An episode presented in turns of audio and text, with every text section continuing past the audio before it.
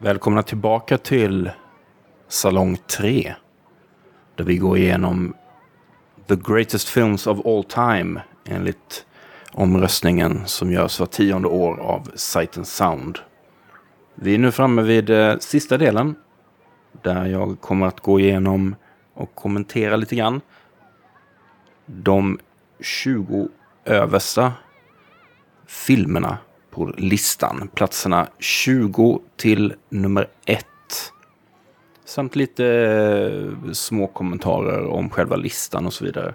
Som vanligt så kan ni gå in på martindegrell.com om ni vill eh, se hela listan och eh, kommentera och ni kanske har lite synpunkter nu när listan är helt avtäckt. Men vi kör igång tycker jag.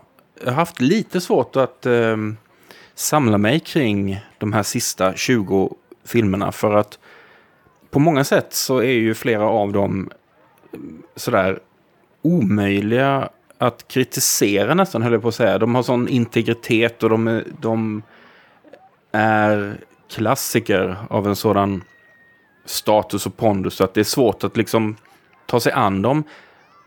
Och samtidigt, eh, vissa av dem är också så söndersnackade att jag nästan inte har någonting att säga om dem. Vi får se. Vi börjar i alla fall med plats nummer 20. Nummer 20. Och det är De sju samurajerna. Akira Kurosawas ganska fantastiska, episka actionäventyr som ju har lagt grunden till väldigt mycket annan efterföljande äventyrs och actionfilm. Det jag tycker man kan ta med sig av, av den framförallt eh, idag, det var ett tag sedan jag såg den. Det är ju att vilket otroligt eh, flow det är i den. Den är ju över tre timmar lång, men den har ett fantastiskt tempo. Den, den känns hela tiden spännande och underhållande och engagerande. Det är väl det man kan säga om den. Det här är Kurosawas högst placerade film på listan. Tidigare år så har den väl befunnit sig betydligt högre upp, men det kanske är en, en tecken på att Kurosawa kanske inte är på väg bort, men som inte riktigt befinner sig i den här allra, allra högsta nivån. Även om filmen i sig är ju så ikonisk. Från 1954. Samma kan man väl nästan säga om eh, plats nummer 19. Nummer 19. Apocalypse Now. Från 1979. En film som jag verkligen, verkligen gillar mycket. Har sett flera, flera gånger och varit bitvis lite besatt av. Men nu, liksom 2023 när jag är 40 plus och har sett lite mer och har lite distans till Apocalypse Now så då undrar jag om, om eh, är det ens Coppolas bästa 70-talsfilm? Alltså, vi kommer att ha en till film av honom på listan här eh, lite högre upp. Men The Conversation, den tycker jag är liksom Coppolas egentligen stora mästerverk på 70-talet. Sen är Apocalypse Now är ju en sån här film som upplevelsen av den är nästan omöjlig att skilja från dess tillkomst. Och ska man se Apocalypse Now så ska man ju naturligtvis också se som en companion piece som är nästan helt omistlig. Kanske nästan ännu bättre. Det är ju hans frus eh, dokumentär om inspelningen, Hearts of Darkness. Som skildrar mycket av den här galenskapen som präglade den här väldigt långa och problemfyllda inspelningen. Och jag tror att det tålamod som Coppolas producenter och, och studiomänniskor ändå hade med honom under Apocalypse Now. Det, det tålamodet hade nog inte funnits bara några år senare. Men det är ju en otrolig film på många sätt. Jag har fortfarande inte sett eh, Coppolas eh, senaste version. Den som är liksom 40 minuter längre eller något sånt där. Jag har på något sätt motsatt mig den. Däremot har jag ju sett de här bortklippta, den här franska eh, aristokraterna där ute i djungeln. De, de, de, det footaget har jag sett liksom i andra sammanhang. Vi går vidare. Och hamnar på plats 18. Nummer 18. Där vi har den högst placerade, eller kanske enda va? Svenska filmen på listan. Ingmar Bergmans Persona. Det känns rättvist. Uh, om, uh, jag tror att alltså, Sjunde inseglet är naturligtvis kanske mer känd för en större publik. Den är mer ikonisk och sådär. Man känner igen de här motiven. Med den schackspelande korsriddaren och, och uh, döden. Men Persona tror jag ändå är hans absolut bästa. Han gjorde jättemycket bra film. Jag tillhör inte de som liksom vill revidera bilden av Bergman. Alltså man ska förhålla sig lite så här hälsosamt eh, skeptisk till honom och hans genikult naturligtvis. Och det ska man väl göra med alla förmenta genier. Men han är och var en otrolig eh, filmskapare med liksom otroligt duktiga människor runt omkring sig. Och en helt absurd arbetstakt. Persona då från 1966. Den är nog hans bästa ändå. Även om jag är väldigt förtjust i Sjunde inseglet också. På plats 17. Nummer 17. Lite av en överraskning kanske. Abbas Kiarostamis Close-Up. Från 1990. En iransk film som är så lågmäld på något sätt och, och, subtil att det är lite förvånande att den, att den dyker upp här så högt upp på den här listan. Men det är väl, tycker jag, det bästa jag har sett av Kiarostami. Det är en egensinnig, gripande, ofta rolig metahistoria som bygger på riktiga händelser. Då en man i Teheran eh, vid möte med en kvinna på en buss fick en spontan ingivelse, som han säger efteråt. Och i ett svagt ögonblick utgav sig för att vara den ganska berömda regissören Moxen Makmalbaf. Och denna ogenomtänkta lögnen rullar sen vidare som någon sorts eh, snöskred. Blev bara större och större. Han finner sig plötsligt hemma hos den här kvinnans familj. Familjen tror på hans plötsliga lögn då att han är Makmabaf. Och det här bedrägeriet pågick i ett par veckor. Han lurade den här familjen att tro att de skulle medverka i hans nya film och så vidare. Och sen till slut så uppdagades det. Och detta var någonting som Kiarostami fick, fick höra den här historien då. Och han lyckades få tillstånd då att filma rättegången mot mannen. Och i en extra rolig så meta-twist så lyckades han då dessutom övertala alla inblandade, det vill säga familjemedlemmarna och även den här bedragaren själv och en journalist och lite polis och så vidare att spela sig själva då i typ så här reenactments av händelserna. Både före och efter rättegången. Och det, det blir en väldigt fin film om liksom identitet och, och eh, sociala situationer och, och så vidare. Det kräver sin åskådare, kan man tycka. Formmässigt är den ganska udda så. Eh, verkligen en långt ifrån en konventionell film, men, men väldigt fin och ganska eh, berörande, tycker jag. Nummer 16.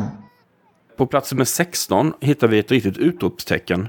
Meshes of the Afternoon, som är en experimentell konstkortfilm kan man väl säga, av eh, Maya Deren som var en surrealist eh, med mera. Den här filmen är, den är en fantastisk film. Den är omöjlig att sammanfatta för den är, eh, det är en, som sagt, det är en surrealistisk, eh, nästan drömfilm på något sätt. Dröm, mardrömsaktig, associativ, mycket skum film med fantastiska bilder. Och man kan se hur den här filmen har inspirerat folk som David Lynch till exempel. Det är jättekul att den finns med här, även om jag då, om jag ska följa mina principer, tycker att Det är en kortfilm, det är inte en långfilm och ska den då vara med på den här listan? Tja, kanske inte. Nummer 15. Plats nummer 15 hittar vi The Searchers. Den sista westernfilmen som finns med på den här listan. Antagligen den, den mest eh, över tid hyllade westernfilmen av eh, John Ford. Med eh, John Wayne bland annat. Jag är inte sådär jätteförtjust i den här. Alltså den är okej. Okay. Jag är inte så förtjust i John Ford. Eh, jag ogillar verkligen inte allt han har gjort. Men han är, jag tycker han är orimligt höjd till skyarna. Av då en generation av väldigt inflytelserika kritiker och regissörer. Inte minst då generationen med Spielberg, Peter Bogdanovich och så vidare. Och de har varit så tongivande att jag tror att det är därför som John Ford hålls så högt fortfarande. Jag tycker ofta att folk tillskriver Fords filmer egenskaper som de inte har. Och där kan man se en parallell till Clint Eastwood som ju också är sådär orimligt hyllad av en hel generation kritiker och regissörer. Och man, där man då tillskriver filmerna egenskaper som de nödvändigtvis inte har för att få det att gå ihop med sin egen världsbild. Det vill säga, nej, nej, eh, John Ford eller Eastwood, eh, han kritiserar machomannen. Det är en kritik av maskulinitet och gubbighet och hederskultur. När eh, de låter John Wayne eh, slakta en massa indianer eller... Men jag tror inte det är så. min, min bild av särskilt eh, John Ford är att eh, han bedrev ingen eh, hemlig kritik av patriarkatet. Av eh, John Fords många, många filmer så skulle jag dock rekommendera The Man Who Shot Liberty Valance. Den tycker jag är bra. Den gör också upp lite grann med hjältemytologin i Ville Västern. Den tycker jag är väldigt bra. Vad man ska undvika, framför allt med John Ford, så är det de filmer som utspelar sig på Irland eller har någon form av irländskt inslag. Där går han sig förlorad totalt i någon sorts konstig irländsk patriotism. Som blir bara fånig. Plats nummer 14. Nummer 14. Cleo från 5 till 7. Från 1962. Det här är då Agnes Vardas eh, högst placerade film på listan. Hennes egentliga genombrott, tror jag man kan säga, kom ju då i, i den första vågen av den franska nya vågen. Eh, något år efter eh, Godard och Truffauts eh, första filmer. Men man ska då komma ihåg att Varda gjorde ju film innan dess. Hennes debut kom väl i slutet av 50-talet. Men det här är den film som på många sätt har blivit hennes eh, stora titel i den första fasen av hennes karriär kan man säga. Vi följer en eh, sångerska som heter Cleo. Som vi följer henne när hon eh, går omkring i, i Paris och ut, uträttar olika ärenden. Och eh, allt eftersom så kompliceras vår bild av henne och vad hon vill och vad hon är på väg att göra och vad som, vad som får henne att grubbla och så vidare. Med eh, Corinne Marchand som eh, otroligt karismatisk i den här huvudrollen som Cleo. Alltså Agnes Varda har ju verkligen fått en, en eh, berättigad, ett berättigat utrymme på den här listan. Det är väldigt glädjande att se. Nummer 13. Vi stannar kvar i Frankrike. Plats nummer 13 har vi La Règle du Jeu. Alltså spelets regler av Jean Renoir. Det här är en film som håller sig kvar ganska högt upp på de här placeringarna. Den är lite otidsenlig, inte tematiskt. Eh, det handlar ju då om en eh, weekend på ett lantligt gods. Där vi ser då en skildring av klassamhället. Eh, det är ofta dråpligt men också dramatiskt och, sådär. Det är en både rolig och tänkvärd film kan man säga. Men den är otidsenlig på så vis att det, att det var få franska filmer och filmskapare från den här tiden, den kom alltså 1939, som så att säga överlevde när franska nya vågen tog över i slutet av 50-talet, början av 60-talet.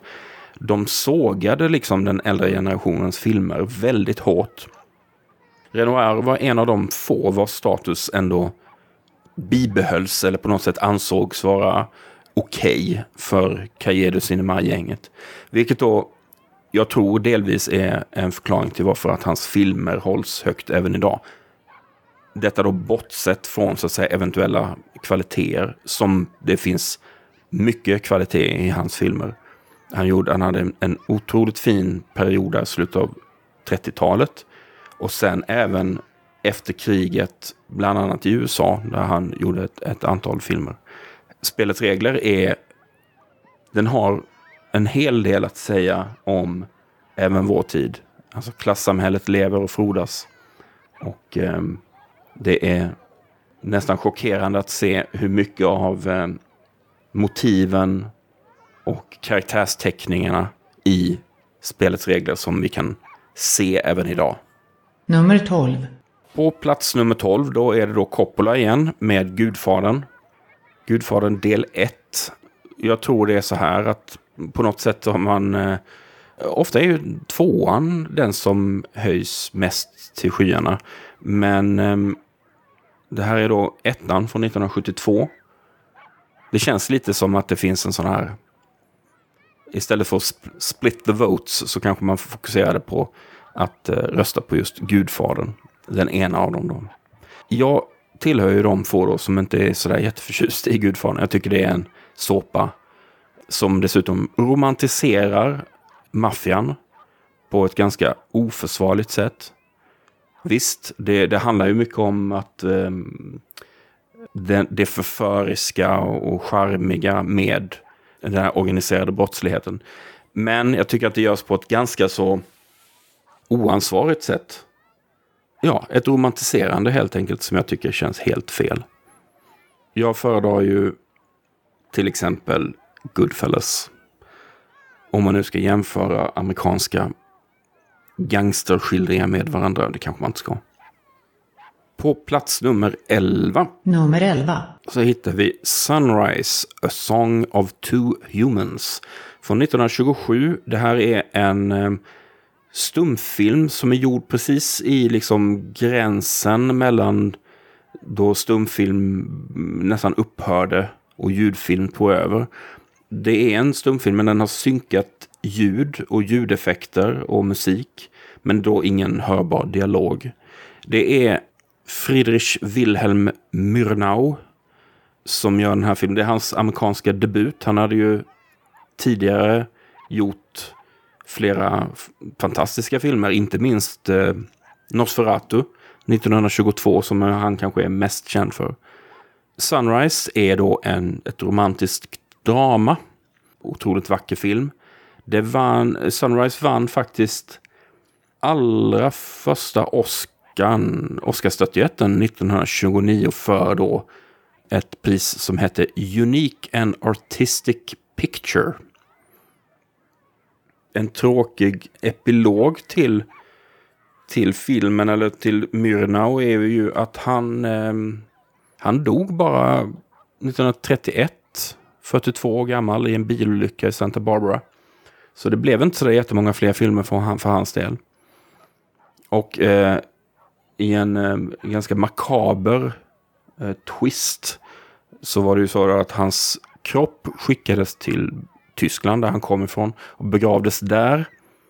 Och 2015, alltså bara några år sedan, så bröt någon sig in i det mausoleum som han är begravd i och stal bland annat Myrnaus skalle som fortfarande inte har hittats. Nummer 10. Plats nummer 10, Singing in the Rain. Där har vi verkligen en klassiker. Den musikal från Hollywoods eh, gyllene era av eh, musikaler. som kanske överlevt eh, allra bäst. Kanske för att den, delvis för att den eh, ju också handlar om filmproduktion. Hollywood älskar ju filma om sig själv. Och som då någon sorts koppling då till Sunrise så handlar den ju just om övergången från stumfilm till ljudfilm. Ikonisk på många sätt. Finns inte så mycket att säga om det.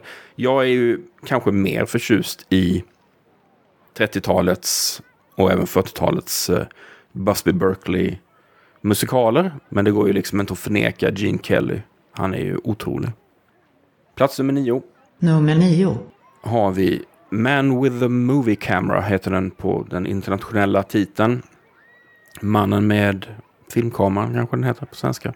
Det är alltså en sovjetisk avantgarde dokumentär typ eh, av eh, Giga Vertov. Den kom redan 1929 så den är ju oerhört högt upp på den här listan för att vara så gammal. Och för att vara så avantgarde som den här är. Den är väldigt experimentell. Den innehåller liksom en provkarta kan man säga över den tidens helt nya filmteknik med liksom montage, vinklar, drastiska klipp, eh, olika specialeffekter och så vidare. Tematiskt är den ju då besläktad med den här stadssymfoni-genren som var populär i slutet av 1920-talet. Verkligen ett, ett utslag av modernismen eller moderniteten. Det var en genre då av filmer som man kan väl säga att de är dokumentära framför allt, men som kunde också innehålla lite skriptade grejer. Poängen var att man visade upp i de här stadssymfonifilmerna en storstad ofta, en storstads myller av människor, det är kommers, fabriker, eh, inrättningar, nöjen, restauranger, det är teknik, man visar upp eh, bygga byggarbetsplatser, eh, bilar, spårvagnar och så vidare. Och den här gör det också, men med då, vad ska vi säga, twisten med att det dels är väldigt så experimenterande med vad kan en kamera göra? Vad kan filmmediet göra? Den innehåller vissa arrangerade stycken kan man säga, alltså orkestrerade. Och sen det, har den ju ett ganska stort fokus på liksom arbetarna, eftersom det här var en sovjetisk film. Det är kul att den hänger kvar liksom så högt upp ändå, som, som den är. Nummer åtta. På plats åtta har vi en av mina absoluta favoritfilmer de senaste 20 åren. Mulholland Drive av David Lynch. Jag har inte så mycket att tillägga. Det finns otroligt mycket skrivet om den här filmen. Jag gillar att den har hängt kvar. Den, den fick ju väldigt starkt mottagande när den kom. Och eh, den, det har liksom inte ebbat ut på något sätt. Jag tror snarare att den har blivit eh, starkare nästan med åren. Det är också ett fint exempel på hur ett, liksom ett mästerverk kan uppstå ur ett misslyckande. Lynch hade ju egentligen fått i uppdrag att göra en, en ny tv-serie. Han red väl fortfarande lite grann på eh, Twin Peaks och så fanns det väl folk som tänkte att men skulle du inte kunna göra en ny tv-serie? Du, det gick ju så bra förra gången och sådär. Men det där projektet gick upp i rök. Jag vet inte vad som hände, om det var finansieringen som föll igenom eller någonting. Men då hade han liksom gjort en pilot eller åtminstone lite till. Men vad han gjorde då var att jag tror att det var franska Kanal Plus eller någonting som gav honom en, en, en slant för att omarbeta det material han hade och komplettera med lite. Det blev en film, den filmen, Mulholland Drive. Som jag tycker är, ja, jag tycker den är så fin och skum och rolig och eh, otäck. Det är som en dröm. Nummer sju. Drömlikt är det ju också i eh, Claire Denis eh, Beau Travail som är på plats nummer sju. Den är från 1999. Också en, något av en överraskning på listan kan jag tycka. Men härligt att han är där. Det är varken första eller sista gången som kläder ni tar sig an maskulinitet som tema, män i grupp. Eh, men vågar jag nog påstå att det är nästan bäst resultat här. Alltså den här väldigt suggestiva, intensiva filmen som handlar om det är väl Främlingslegionen va?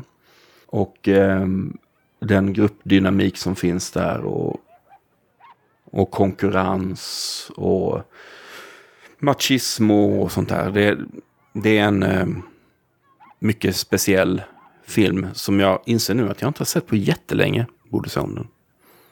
Väldigt roligt att Claire Denis tar sig in här på högt upp på listan. Hon är ju en av de bästa vi har. Tycker jag.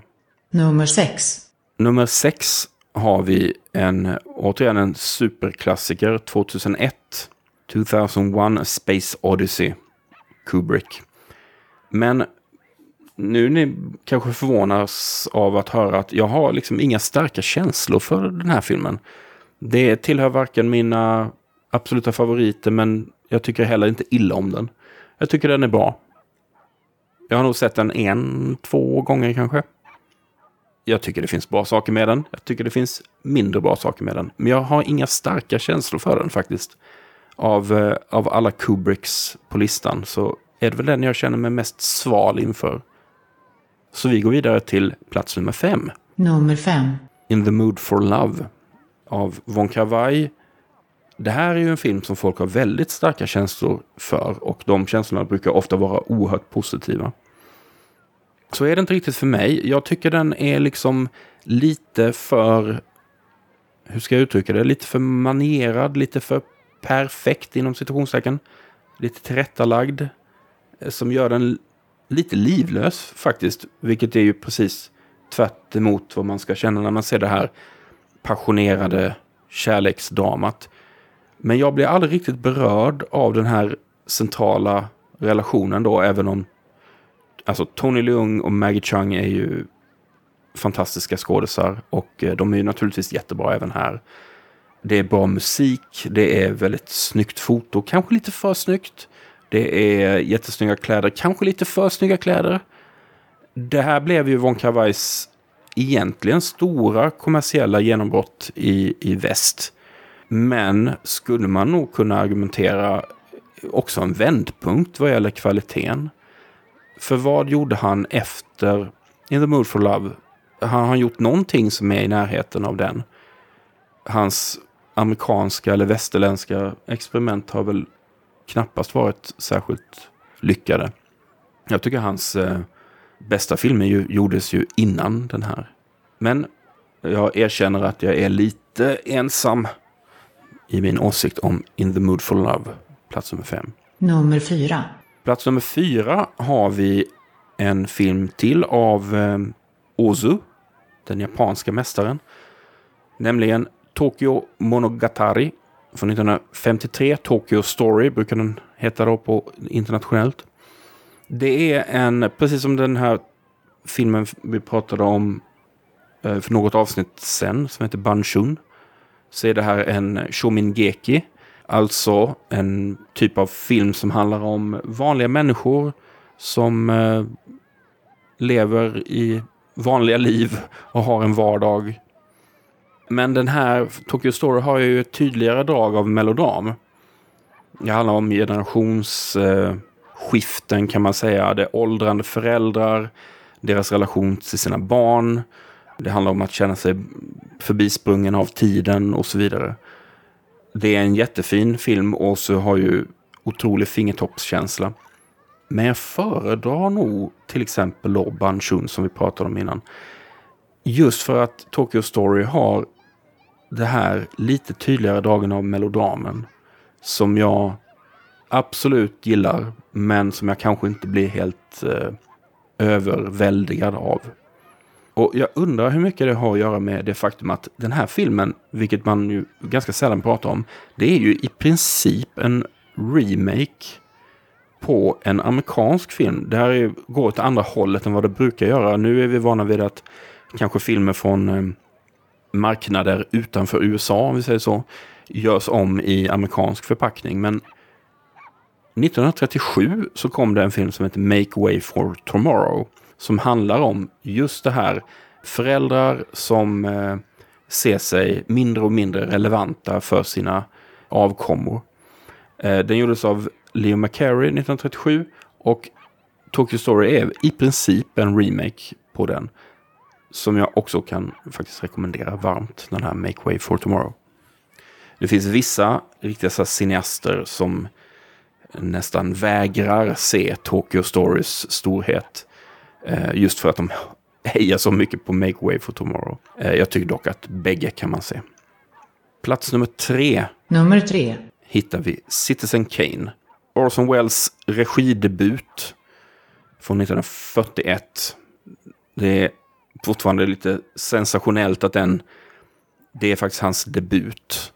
Och vad var han, 25, 24, 25 när han gjorde den? Helt otroligt. Här är ett scoop då. Det är en bra film. Den är naturligtvis söndersnackad och eh, sönderhyllad.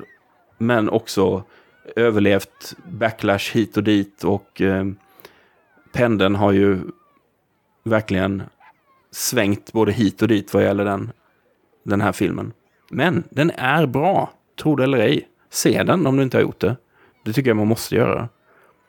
Den toppade listan här, den här Sight and Sound-listan, från 1962 till 2002, så i 40 år. Och sen kickades den. Men den håller sig kvar på plats tre. Får se vad som händer om tio år. På plats nummer två, Nummer 2. världens näst bästa film. Där har vi Hitchcock. Eh, nämligen Vertigo från 1958. Studie i brott heter den på svenska. Och det säger någonting, tycker jag, om att eh, det här är en film som fullständigt vältrar sig i psykoanalys, Freud. Alltså den svenska titeln låter som att det kommer från, en, från ett så här arkivskåp hos en analytiker. Ja, vi har en studie här i brott. Någonting som är, skulle kunna vara ett kapitel i en bok av Freud.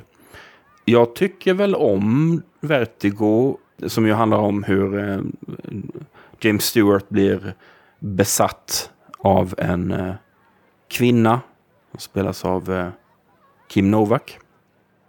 Så det handlar ju ganska mycket om liksom, mäns besatthet av kvinnor eller en kvinna och eh, hans oförmåga att gå vidare och så. Den är, den är bra, den är spännande. Den, jag älskar eh, miljöerna. Eh, San Francisco med omnejd. Men jag tycker inte det är Hitchcocks bästa. Jag tänker ganska sällan på den. Men den är jättebra på många sätt.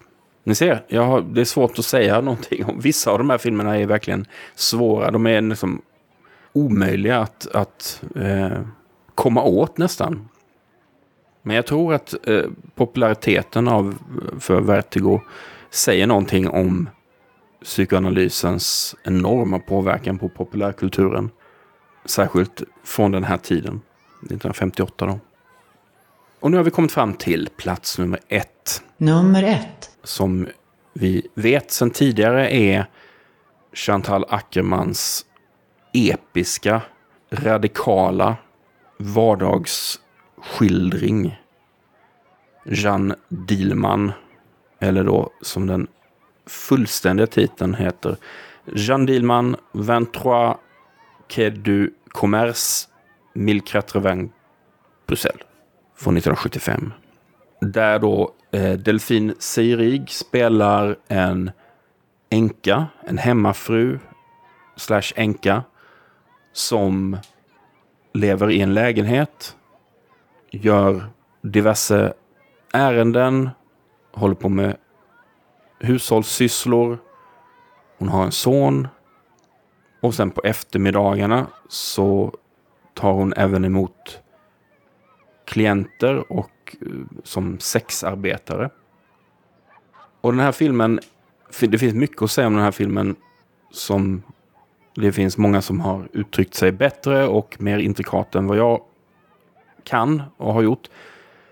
Men det är en film som, eh, trots att Ackerman har ju liksom sagt att hon, hon ser sig inte som en feministisk filmskapare. Det, jag vet inte om hon har reviderat det uttalandet, men jag vet att hon har sagt det i alla fall. Men då är det fina med sådana här filmer är att vi, vi behöver inte bry oss om så mycket om vad upphovsmakaren eller kvinnan säger om detta. Vi kan ändå se att det här är en film som handlar om kvinnans plats i hemmet. Det handlar om patriarkatet. Det handlar om att uppmärksamma ouppmärksammade sysslor som ju traditionellt kvinnor får göra. Som att skala potatis, laga mat, städa och så vidare. Och vad Ackerman gör då är att filma det här i otroligt långa och långsamma tagningar. Där vi ser Jean Dielman sitta och skala potatis till exempel i tio minuter i realtid.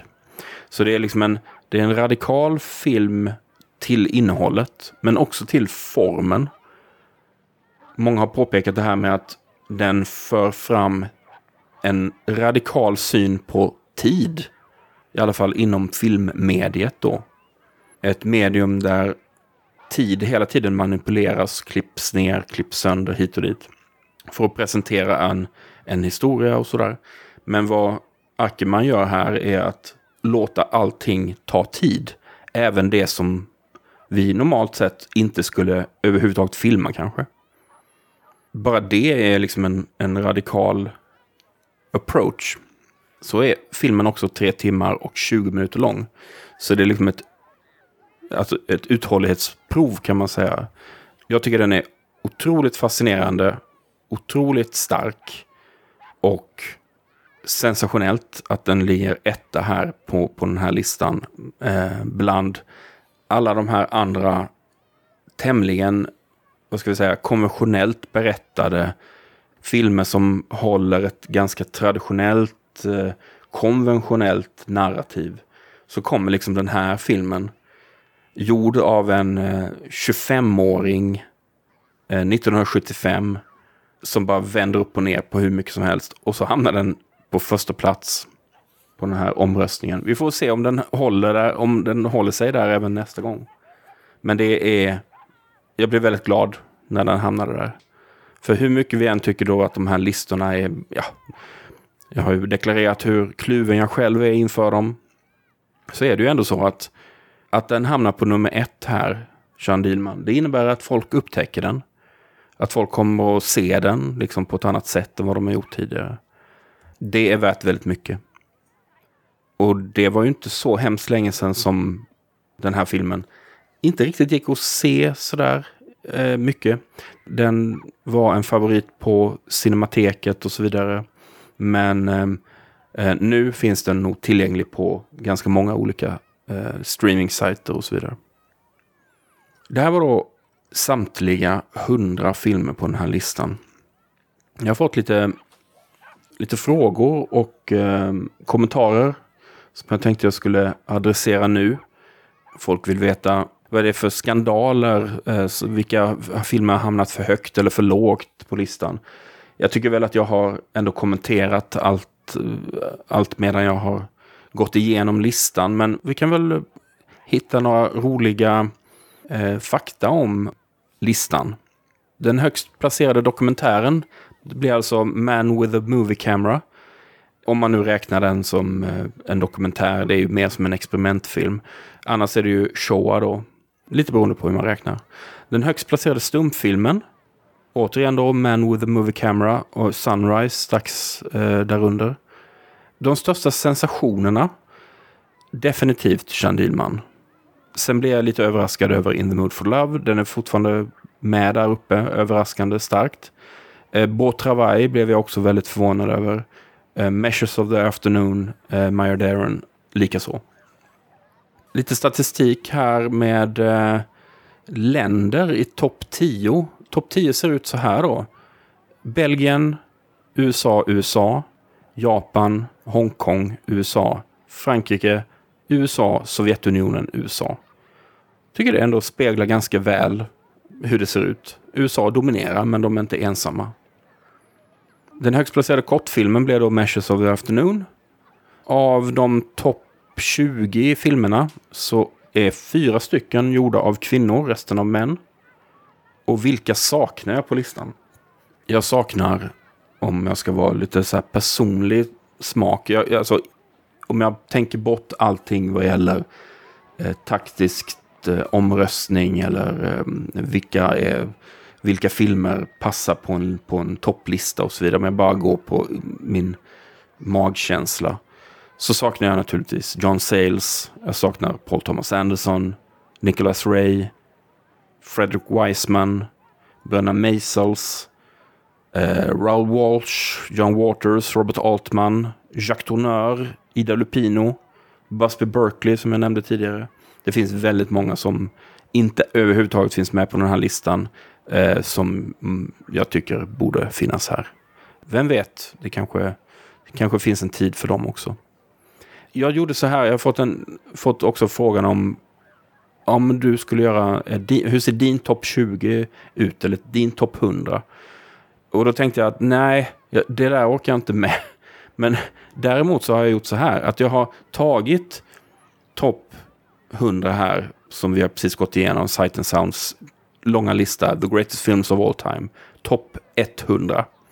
Och så tänkte jag så här, om jag tar hela den listan och så plockar jag bort titlar tills jag har 20 stycken kvar. Men behåller ordningen på dem. Är ni med? Hur skulle den topp 20 se ut då? Jag fick inte flytta om ordningen på dem, men jag behöll 20 av de här 100. Som då på något sätt blir så här, vilka ska vi se? Vilka 20 filmer av de här topp 100 tycker du vi ska se? Och då har jag kommit fram till följande topp 20. Vi börjar med nummer 1. Jean Dielman. 2. Citizen Kane. 3. Beau Travail. 4. Mulholland Drive. 5. Man with a Movie Camera. 6. Measures of the Afternoon. 7. Persona. 8. Apocalypse Now. 9. Do the Right Thing. 10. Night of the Hunter. 11. Shoah. 12. Daisies, Tusenstjärnor. Och även nu 13. M. 14. Abu de 15. Rear Window.